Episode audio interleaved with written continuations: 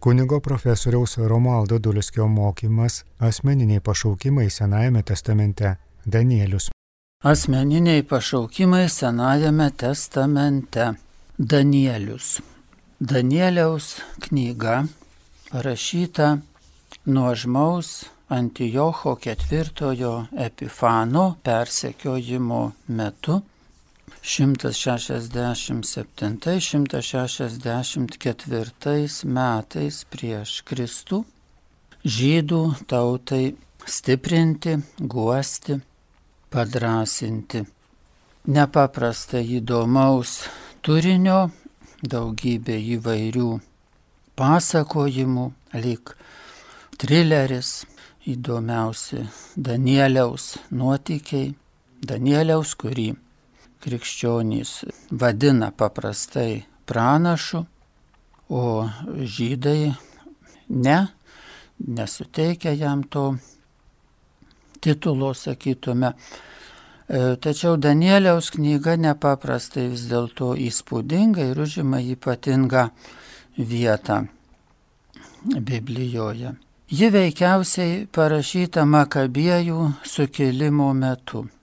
Knygos autoriai, kurie veikiausiai buvo iš sukilusių Makabiejų aplinkos, susijęjo Danieliaus vizijas, kurios pateikiamos nuo 7 iki 12 knygos skyriaus, su senesnėmis 2-3 amžiaus prieš Kristų legendomis apie išmintingą ir teisų, regėjimų ir sapnų aiškintoją Danielių gyvenusi Babilono nelaisvėje. Tie pasakojimai prasideda nuo pat pradžios Danieliaus knygos ir apima pirmąjį iki šeštojo skyriaus. E, tai įkvepiantis ištikimo torai arba žydų įstatymui asmens žydo pavyzdys. E, kadangi knyga apie paradigminę judaizmo išpažinėjo asmenybę, e, todėl mums skaitant ją reikia pranokti jos specifiškumą, kad tai mums gal šiandieniams Lietuvos skaitytojams nėra taip tiesiogiai viskas, sakytume, nu, labai aktualu, ar kaip gal aktualu, bet, nu, kadangi tai žydų teisiojo gyvenimas, tai reikėtų mums kaip tai išvelgti bendrą žmogišką jos vertę, tų pasakojimų tokią universalią svarbą ir ji yra taip pat nesunkiai matoma. Galėtume sakyti, kad Danielius yra tiesiog kilnaus žmogaus pavyzdys. Ar net galėtume tokio tikinčio Dievą žmogaus. Visa Danieliaus knyga, man atrodytų, kad galima būtų e, tokia tam tikra prasme pasakyti, kad Danieliaus knyga yra lik senojo įstatymo sėkminių tekstas. Tai knyga apie žmogų, kuris gyvena kupinas Dievo dvasios. Ir josios yra e, pripildytas e, visiškai nepalankiomis aplinkybėmis. Ir visa knygos intriga turbūt susitelkia ties, e, ties tuo, kad Danielius yra toks pilnas Dievo žmogus ir aplinkybės yra paprastai priešiškos jo, tai jo nuostatai. Todėl knyga motivuoja mus kiekvieną žmogų suvokti savo tapatybę, kas mes iš tikrųjų esame. Mes kiekvienas tikintis ir netikintis, ir mokytas ir nemokytas, ir apsisprendęs ir neapsisprendęs už, už, už gėrį, sakykime, ar už ką kitą, už tam tikras vertybės, mes visi susidurėme su gėriu ir blogiu savo gyvenime ir tai kartais ar dažnai, ganėtinai skaudžiai susidurėme ir turime visuomet, nu, kiekvieną dieną praktiškai, jeigu subtiliau žvelgtume, tai kiekvieną dieną turime pasirinkti padaryti pasirinkimą, už ką mes. Šią prasme Danieliaus knyga pilna pasakojimų, kurie gal mums žinomi, bet jeigu pirmą kartą skaitome ar juos išgirstame, tai jie labai įspūdingai nuskamba. Ir ji būtent, e, galėtume sakyti, už tų visų pasakojimų ir, ir iškyla ta pasirinkimo tarp gėrio ir blogio, tarp teisumo ir neteisumo, tarp e, tokių kilnių aspiracijų ir, ir tokio naudos ieškojimo, išskaičiavimo, tarp to ir to, tarp tų dviejų galimybių, kaip Mozė sakė, tarp gyvenimo ir mirties, tas pasirinkimas. Taigi knyga iš tikrųjų įkvepia, įkvepia skaitytoją, ji tam sukurta, tam skirta, tam parašyta ir ji iš tikrųjų atrodo, kad pasiekia tą tikslą paskatina gyventi skaitytoją kilnesnę motivaciją. Ir ta motivacija ne dėl kokio išorinio spaudimo, bet ji vidinė motivacija. Įveikti kliūtis, kadangi žmogaus gyvenime nuolatos iškyla kliūtis, kiekvienas, kuris nori būti geresnis, susiduria su kliūtimis savyje ir aplinkoje tapti žmogumi pagal tikrąjį savo pašaukimą. Knyga yra tokia užslėpta aluzija į antrojo amžiaus prieš Kristų helenistinio karaliaus žiauriojo žydų persekiotojo Antijocho ketvirtojo Epifano valdymą. Nors jį kalba, pasakoja istorijas iš Babilono vergyjos laikų, iš Babilono tremties laikų, bet iš tikrųjų ji nori prakalbėti į antrojo amžiaus žydų aktualijas valdant karaliui Antijochui persekiojimo laikais. Danieliaus knyga vadinama apokalipse, priskiriama prie vadinamųjų apokaliptinių raštų, kuriuose randami mistinių apreiškimų aprašymai. Apokaliptinė raštyje turėjo labai didelę paklausą žydų priespaudos ir persekiojimo laikais nuo 200 metų prieš Kristų iki šimtųjų metų po Kristaus. Apokaliptinė raštyje yra savitos pranašystės. Apokaliptikas, raštų autorius yra kartu ir pranašas, kuris Dievą laiko istorijos viešpačiu, išpažįsta Dievo visą galybę istorijos įvykių sraute. Bet dar norisi dabar būtinai pasakyti, kad Danieliaus knygoje galėtume išskaityti tris labai svarbes žinias. Kiekvienam e, laikmečiui, kiekvienam žmogui. Tai pirmoji žinia kad tai yra viltinga, viltingas žvilgsnis, viltinga autoriaus nuostata, viltingas žvilgsnis į istoriją, sklidinas dvasinės šviesos, ateities vilties, būsimo Dievo karalystės triumfo, taip pažodžiui sakant. Mm, bet iš tikro tas būsimos Dievo karalystės triumfas reiškia dabarčiai labai daug. Būtent, kad dabarties tamsumos ar blogio toks triumfas iš tikrųjų jis žlugs. Jis net tas blogis, tamsuma visokiojo, jie neturi lemiamos ir galutinės reikšmės. Galutinis žodis priklauso šviesai, gėriui ir todėl Danieliaus knyga kalba apie viltį.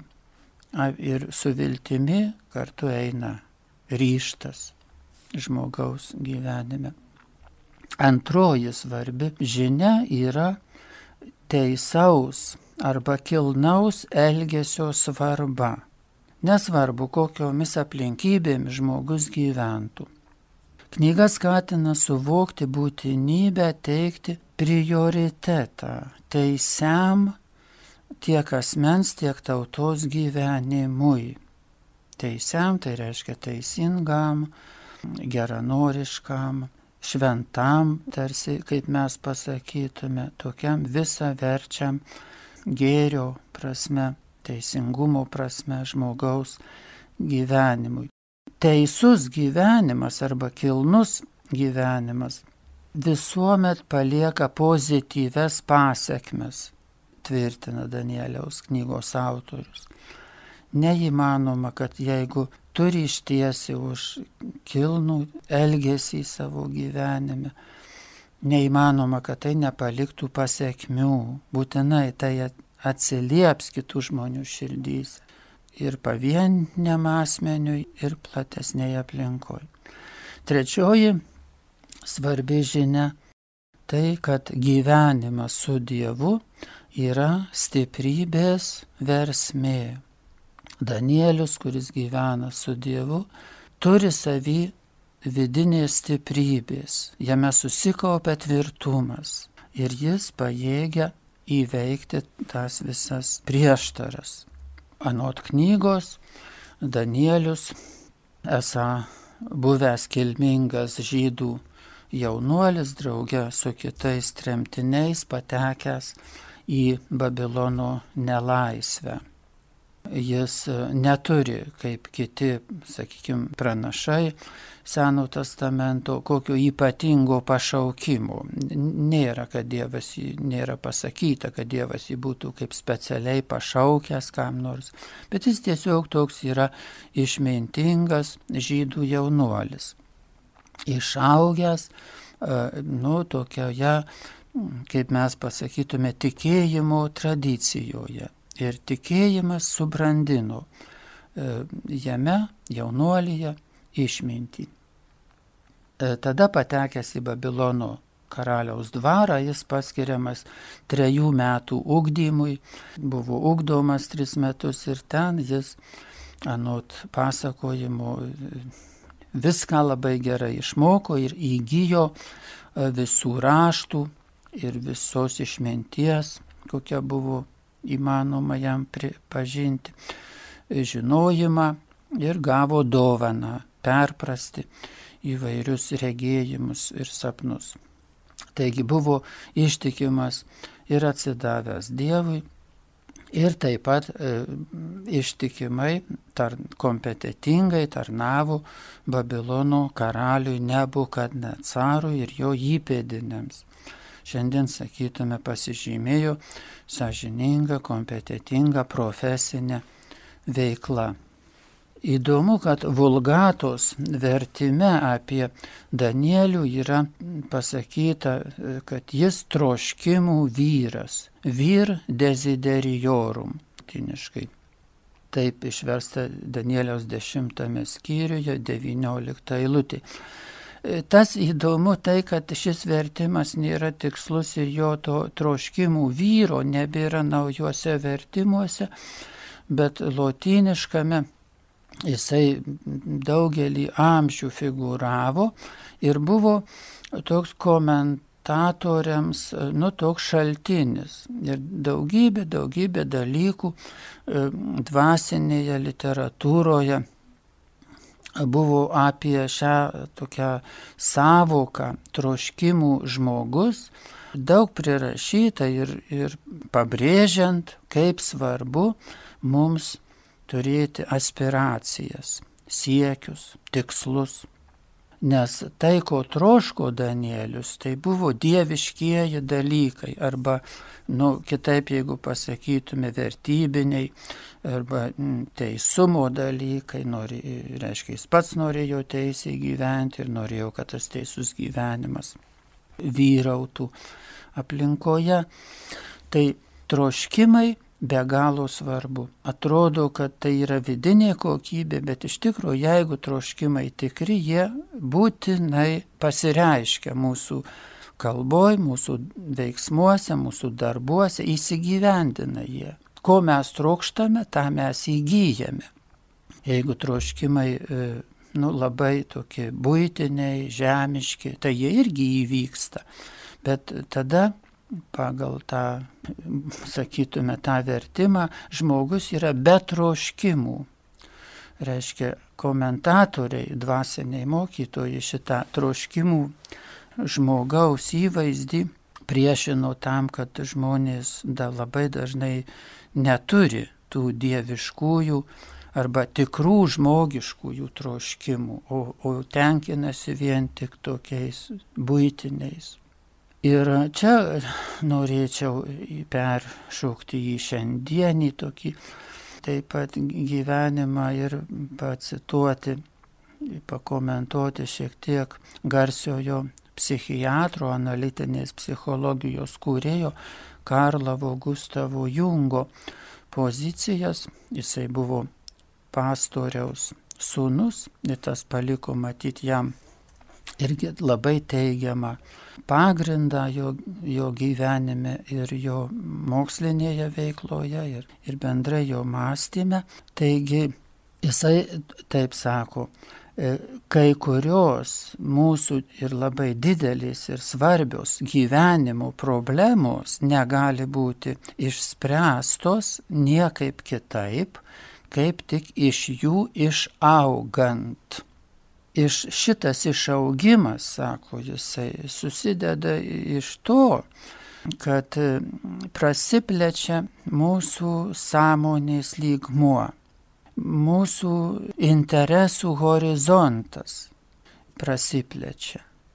Ir tada praplatėjęs mūsų dvasinis žvilgsnis, jis leidžia mums savaimingai tarsi išaukti iš mūsų problemų, tos problemos nebetenka tokio reikšmingumo ir jos tiesiog sunyksta, kurių mes šiaip tiesiogiai lik negalėjome įveikti, kada prasiplečia mūsų mintys, mūsų pasaulyje jauta, mūsų širdis, sakytume, prasiplečia jos savaime išnyksta. Tos problemos tampa nebepajėgios kovoti su tomis naujomis gyvenimo platesnėmis tendencijomis, didesnėmis tendencijomis, didesniais troškimais. Gal, sakyčiau, tokia sąsaja su, su Danieliumi kaip e, žmogumi, kuris troškimų žmogus arba kuris iš tikrųjų sakytume, buvo išplėtęs savo gyvenimo akiratį. Pati knyga prasideda kaip koks filmas, trileris. Babilono karalius Nepukatnecaras atžygiuoja į Jeruzalę su didžiulė kariuomenė, ją apgula ir užima. Į jo rankas patenka karalius ir žydų tauta Jis, karalius Nebukadnecaras, liepia atrinkti gerai išaugusius, sveikus, tvirtus, iš kilmingesnių šeimų, reiškia iš geresnės e, aplinkos, socialinės aplinkos, lau savajame truputį išsilavinusius jaunuolius, kad jie tarnautų jam kaip Babilono karaliaus tarnai tokie ištikimi. Ir čia kalbama apie Danielių ir jo draugus Hananiją, Mišaelį ir Azariją, kuriems mm, tarsi naują tapatybę Babilono karalius nori suteikti, duodamas jiems kitus vardus. Danielių pavadina Belšacaru ir jo draugus atitinkamai Šadrachu, Mešachu ir Abetnegu tam, kad jie visiškai įsilietų į naują kultūrą. Knygos autorius nori pasakyti, kad ta naujoji kultūra nėra tokia teisaus gyvenimo kultūra. Ir pirmas toks išmėginimas, kuris kalba apie ir kilnaus gyvenimo svarbą ir pabrėžia tą kasdienybės išmėginimą, žmogaus išmėginimą, kuris tiesiog paprastoje kasdienėje situacijoje vyksta. Ir tai, kaip žinome, pasakojimas yra apie valgius. Karalius paskyrė nu, gerą maistą tiems e, savo studentams, kad jie visi gerai maitintųsi ir turėtų pakankamą jėgų viską gerai išmokti. Tačiau pagal žydų tradiciją, žydų tikėjimą yra e, švarūs ir nešvarūs valgiai, košeriniai ir nekošeriniai. Taigi Danielius negalėjo išlikti ištikimas savo principams, Dievui, Dievo teisynui, valgydamas tą e, babilonišką maistą. Ir jis sudaro sutartį su maisto tiekėju, su prižiūrėtoju, kad jie valgys savo maistą, žydišką maistą. Ir čia, aišku, mums tas e, jau, sakytume, toks kultūrinis šuolis toks, e, kad reikalingas suprasti. Galėtume tame matyti bet kokį kitą, kitą dalyką, kuris būtų toks e, tarsi atsitolinimas nuo, nuo vertybių arba išlikimas, e, jo išlikimas ištikimu toms vertybėms. Tai šiuo atveju suklupimo akmuo, sakytume, ar ta riba buvo tas maistas. Ir valgydami tą savo maistą, žydišką maistą, jie pasirodė, kad jiem net geriau buvo, jie sveikiau atrodė už visus kitus studentus. Ir taip jie laimėjo, reiškia laimėjo tą teisę, prižiūrėtojas paliko juos ramybėje, kad jie galėtų laikytis savo valgymo papročių. Danieliaus knyga nori pasakyti, kad tas dienybės ištikimybė Dievui, teisumui, savo kilniems gyvenimo principams, kilnioms nuostatoms, ji pasiteisina. Nors atrodytų, kad gal tau bus geriau, jeigu tu jų nesilaikysi, jeigu tu valgysi kabutėse karaliaus maistą. Bet iš tikrųjų tai yra Danieliaus knyga drąsina, akina, kad teisumas kasdienybėje pirmas žingsnis į gyvenimo kokybę tas epizodas baigėsi tuo, kad viešpats davė visų raštų ir išminties žinojimą bei įgūdžius tiems keturiems vaikinams, o Danieliui dar davė už tą ištikimybę suprask, už tą atsidavimą Dievui, dar dovana paaiškinti visokius regėjimus. Ir dabar, žinome, tas epizodas kai Danielius kviečiamas paaiškinti Nepukadnecaro sapną. Ir šita istorija vėl už turbūt už to viso pasakojimo slypi žinia, kad žmonijos istorija yra viltinga. Tai ir vėl, tai nėra žinia apie tai, kas bus, bet apie tai, kad mes jaustumėmės, na, tokie stiprus šiandieną laikytis gėrio ir kurti gėrį, nes galutinis žodis visame šitame žemės gyvenime, žmonijos istorijoje, nors nežinome, kaip baigsis žmonijos e, egzistencija, kaip ji plėtosis, bet Danieliaus knygo žinia, kad viltis turi būti labai stipri mumyse, kad mes turėtume daug jėgų įveikti visas kliūtis. Ir tai yra teisinga, tai vienintelė teisinga nuostata. Nes jeigu tu prarasi viltį, tau nusvirs rankos ir tu jau pralaimėsi šiandien.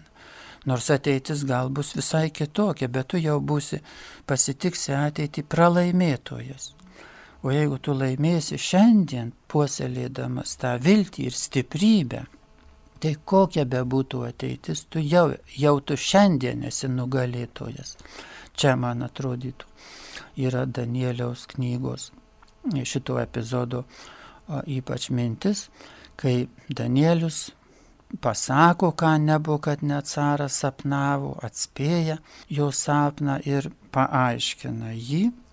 Nebuvo, kad net caras sapnavo keturias karalystės - Babiloniją, Mediją, Persiją ir Helenistinę Graikiją, kurios e, buvo žmonių e, karalystės, kurios buvo pilnos tokio trūkumų, sakytume, neteisybių visokių. Ir jos visos tam sapne žlugo, nes akmuo atkirstas nuo kalno atsirito ir sugriovė. Ir tas akmuo reiškia naująją mesijinę karalystę. Vėl čia viltingumo įvaizdis. Jėzus, kai kalbėjo, jis tą įvaizdį, tą akmenį susijęjo su savimi, kur Dan Danieliaus knygoje.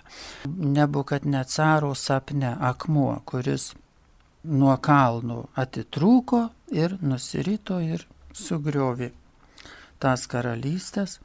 Jėzus sako, akmuo, kurį statytojai atmetė, tapo kertiniu akmeniu. Na, čia toks va įdomus turbūt naujojo testamento sugretinimas su Danieliaus knyga.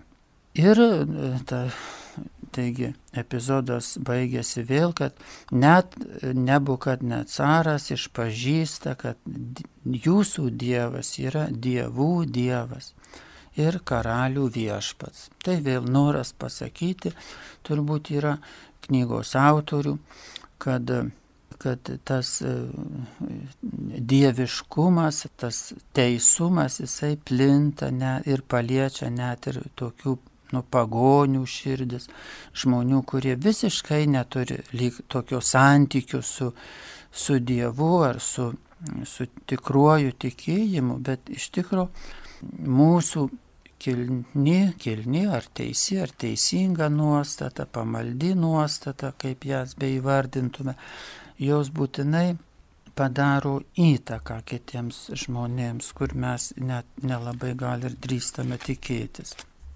Ir e, e, tada knyga pasiekia savo dramatizmo jau beveik apogėjų, turbūt galėtume gal sakyti. Tai ypatingas išbandymas, ypatingas gyvenimo ar mirties klausimas, pasakojimas apie ugnimi plieskiančią krosnį.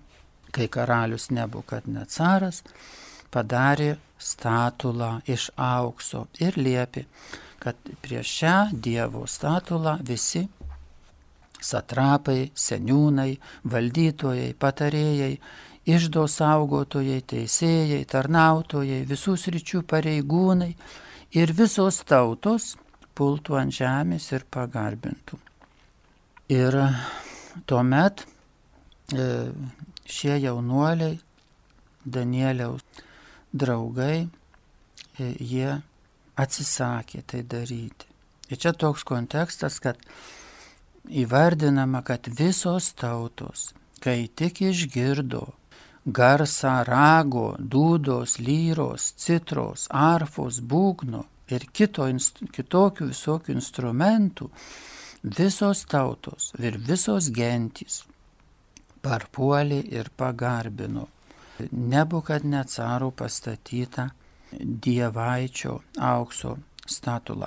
Tai matome, kad situacija, kada, kaip sakytume, visi eina vieną kryptim, bet ta kryptis nėra teisinga ir žmonėms, kurie suvokia, kad tai nėra teisinga arba net labai, labai neteisinga, yra didžiulis iššūkis elgtis kitaip elgtis taip, kaip dauguma nesielgia.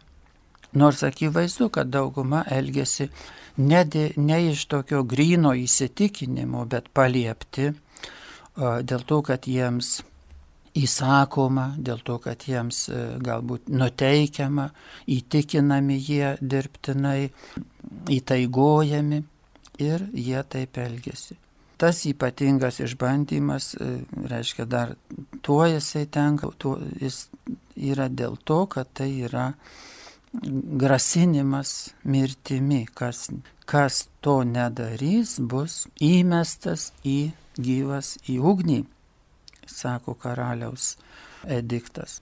Ir taip atsitinka.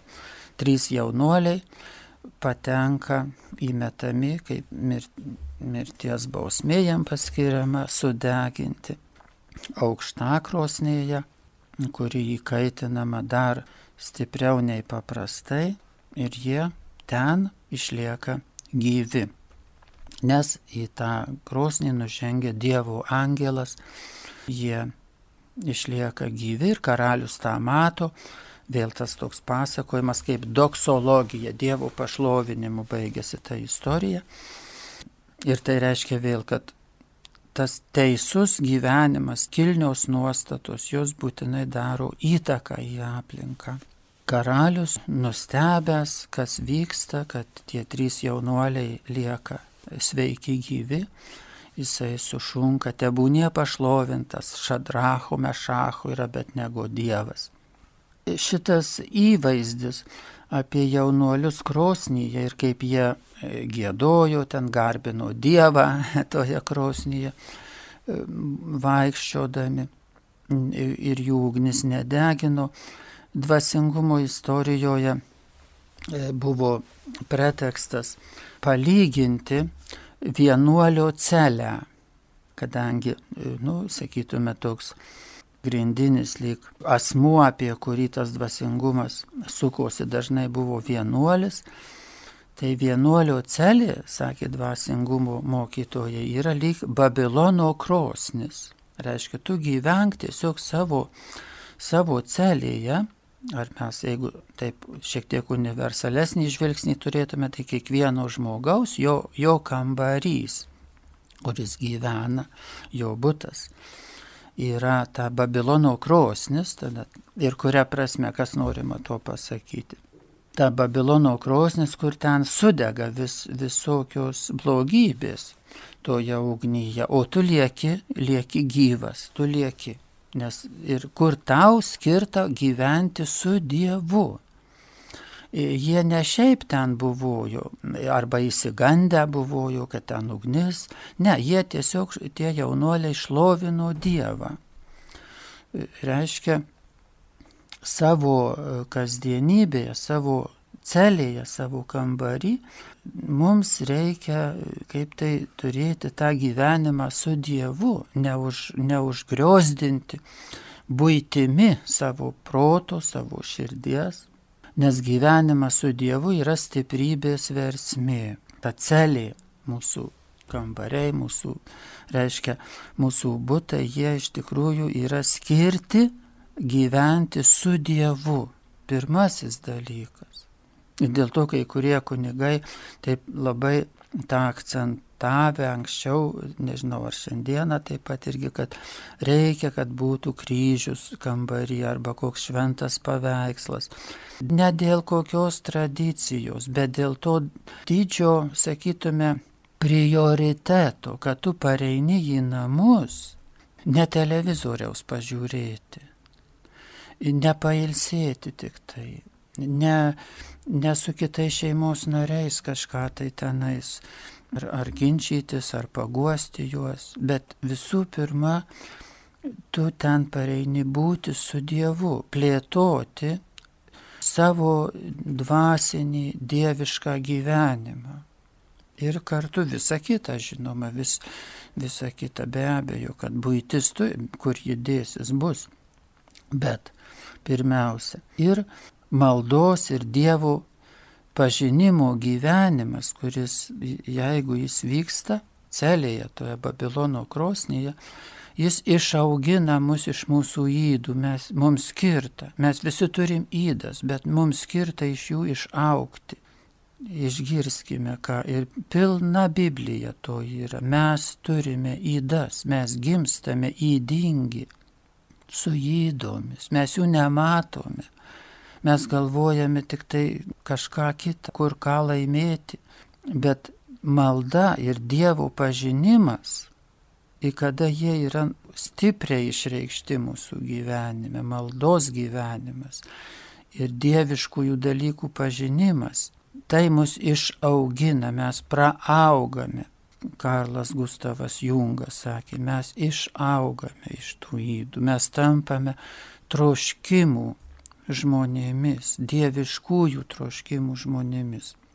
Taigi kasdienis apsisprendimas mūsų kambaryje, nes mes ten prabundame rytą, ten prasideda mūsų diena. Jis mums išplečia mūsų horizontus, turi praplėsti mūsų, mūsų dvasiniai horizontai, visų pirma turi išsiplėsti mūsų namuose, mūsų celėje paskutinis epizodas, kurį šiandieną mes trumpai paliečiame, tai yra nebukadnecaras sapnuoja medį. Ir vėlgi Danieliui tenka komentuoti. Medis sako Danielius karaliui, esi tu.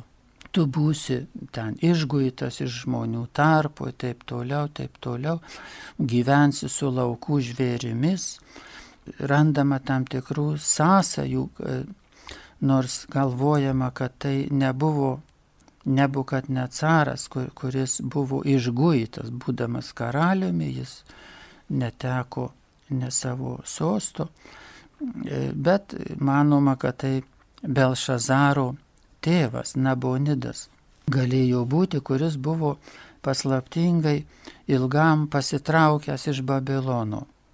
Čia netaip mums svarbu, bet e, ką nori pasakyti autorius, tai įdeda į Danieliaus lūpas. Danielius sako, visos tos nelaimės tau atsitiks dėl tavo kalčių, dėl tavo neteisybių, kurias tu atlikai, padarėjai kitiems žmonėms. Ir duoda jam atsakymą, sprendimą. Išpirk savo nuodėmės teisumo darbais ir savo nusikaltimus gailestingumu vargšams. Ir čia galėtume sakyti, kad tai yra universali Danieliaus knygos žinia visiems žmonėms, nežiūrint tikėjimo, pamoka įžūliems savo gyvenimo sėkme besididžiuojantiems asmenėms, padariusiems kokių neteisybių, reiškia, neignoruok tas neteisybės, ne, nesisteng jas ką tu gal skriaudas kokias padarai, nesistenk tai užmiršti, nes Dievas tai atsimena ir kiti žmonės tai atsimena. Ir išeitis yra, kad tu išpirk savo nuodėmės teisumo darbais. Į tai galima sakyti, kad čia tu gali Dievą tikėti, gali Dievą netikėti, bet čia svarbu, kad tu nuodėmės savo tikėtum, lyg tai reiškia, kad tu neignoruotum savo klaidų. Mes visi turim atkreipti dėmesį į savo, savo kokias nors neteisybės. Danieliaus knyga sako, aišku, kalba ne apie tai, kad Dievas ims ir atleis tau tarsi dykai, dovanai, bet pateikia kitą tos problemos ir labai tokį e, teisingą e, aspektą, kad nuodėmis prašosi atitaisomos neteisybės būtinai reikalauja būti atitaisytos. Universali žinia, gydanti žinia, gydanti asmenis, gydanti visuomenės, žinia apie nuodėmių išpirkimą, atitaisymą net, net padarytų neteisybių, skirta tikintiesiems ir netikintiesiems. Čia yra pirmos dalies pabaiga. Girdėjote kunigo profesoriaus Romualdo Dulskio mokymą Asmeniniai pašaukimai Senajame testamente Danielius.